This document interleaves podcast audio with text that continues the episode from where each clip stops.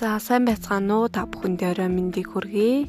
Улс төрийн хөгжил альва юм бүхэн өсөл хөгжилтэй түүхэнд нийгмийн нэг бүлэг нөгөө хэсэгтэйгээ харилцагтаа хүч хэрэглэх эрхтэр тулгуурласан засаглалтын онцгой төрөл гарч ирэх үеэс улс төр үссэн бөгөөд нэг төрийн засаглалт гэж нэрлэдэг. Ардчлал нь ард түмнээс сонгогдсон ард түмний өөртөөх засаглал юм гэж үздэг.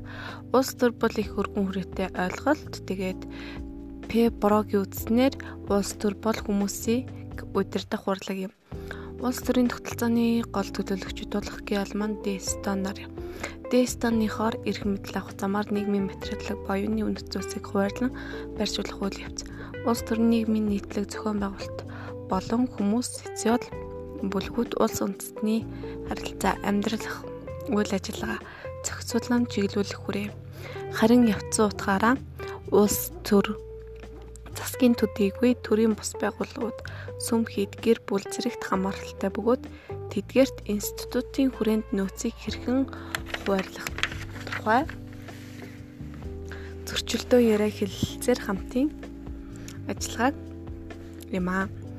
Харин өрөн өргөн утгаараа улс төр нь төр ба орон нутгийн байгууллагууд тэдний зорилго, бодлого, үйл ажиллагааны хэрэгжих талбар тэдгээрийн талаарх хүмүүс бүлгүүдийн маргаан мэтгэлцээ зөрчил, тэмцэл, зөвшөөрөлцөл, эвлэрэл зэргийг багтаадаг ойлголт юм.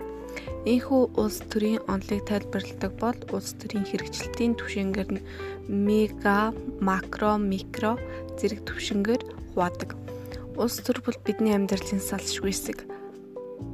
Бидний амьдрал улс төрөөс гараад бус байдаг. Ардчилсан нийгэмд хүний эрх хэрэгжүүлэн нээлттэй хуулиар зөвшөөрсөн бүхнийг өөрсдийн зороор зоргоор гүйцэлдүүлж хэрэгэлдэг. Засаглалын легитим шинжийн тухайд тодорхой бол ноёрхлын институтын засаглал болохын хувьд иргэд эергээр үнэлж түүнийг иргэд эергээр үнэлж хүлээн авах удирдуулан захирагдахыг хүлээн зөвшөөрөх.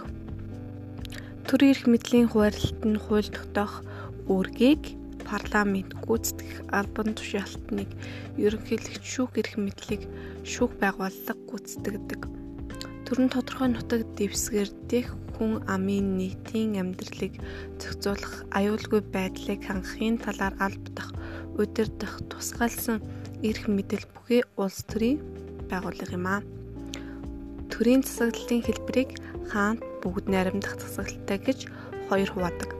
Манай Монгол улсын хувьд бүгд найрамдах засаглалтай. Орон бүгд найрамдах засаглалыг ерөнхийлөгчийн парламентийн холимог гэж дотор нь хуваадаг.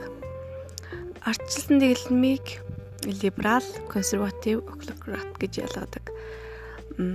Ардчлалын бас нэг өөр хэлбэр нь тоталит ардчилсан бус хэлбэрийн нөгөөх нь тоталитар дэглэм нийгмийн бүх үзэгдэлд хяналт тогтоохыг ирмэлдэг төрийн дэглэм. Харин авторитар дэглэм гэдэг нь нэг буюу хэсэг хүмүүсийг захиран дарангуйлах улс төрийн дэглэм бөгөөд тоталитар дэглэм шиг нийгмийн амьдралын бүх хүрээг хянахгүй. Нэгдмэл үзэл суртал тулгадаггүй эдийн засаг хувийн амьдралд тодорхой хэмжээний эрхчлөө олгодог хэлбэр хнэ. За улс төр нь олныг хамарсан асуудал шийдвэрлэх үйл явц альва асуудал нийтийг хамарт зайлшгүй шийдвэрлэх ёстой болвол улс төрийн асуудал болдог учраас хүн улс төрөөс ангид байж чаддаггүй чадахгүй. Тэм төр бол бидний амьдралын салшгүй хэсэг.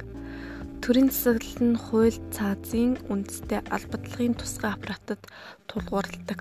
Хүн амыг нийтэд нь хамардаг улс төрийн системийн чиг үүрэгт оролт гаралт эргэх холбоо байд сайн муугацсаж иргэдийн санал бодлыг хүлээж авах олон талт ажлыг боловсруулан тууштай холбоотой хуульдыг журам гаргаж гаргах нь гаралт нь болдог.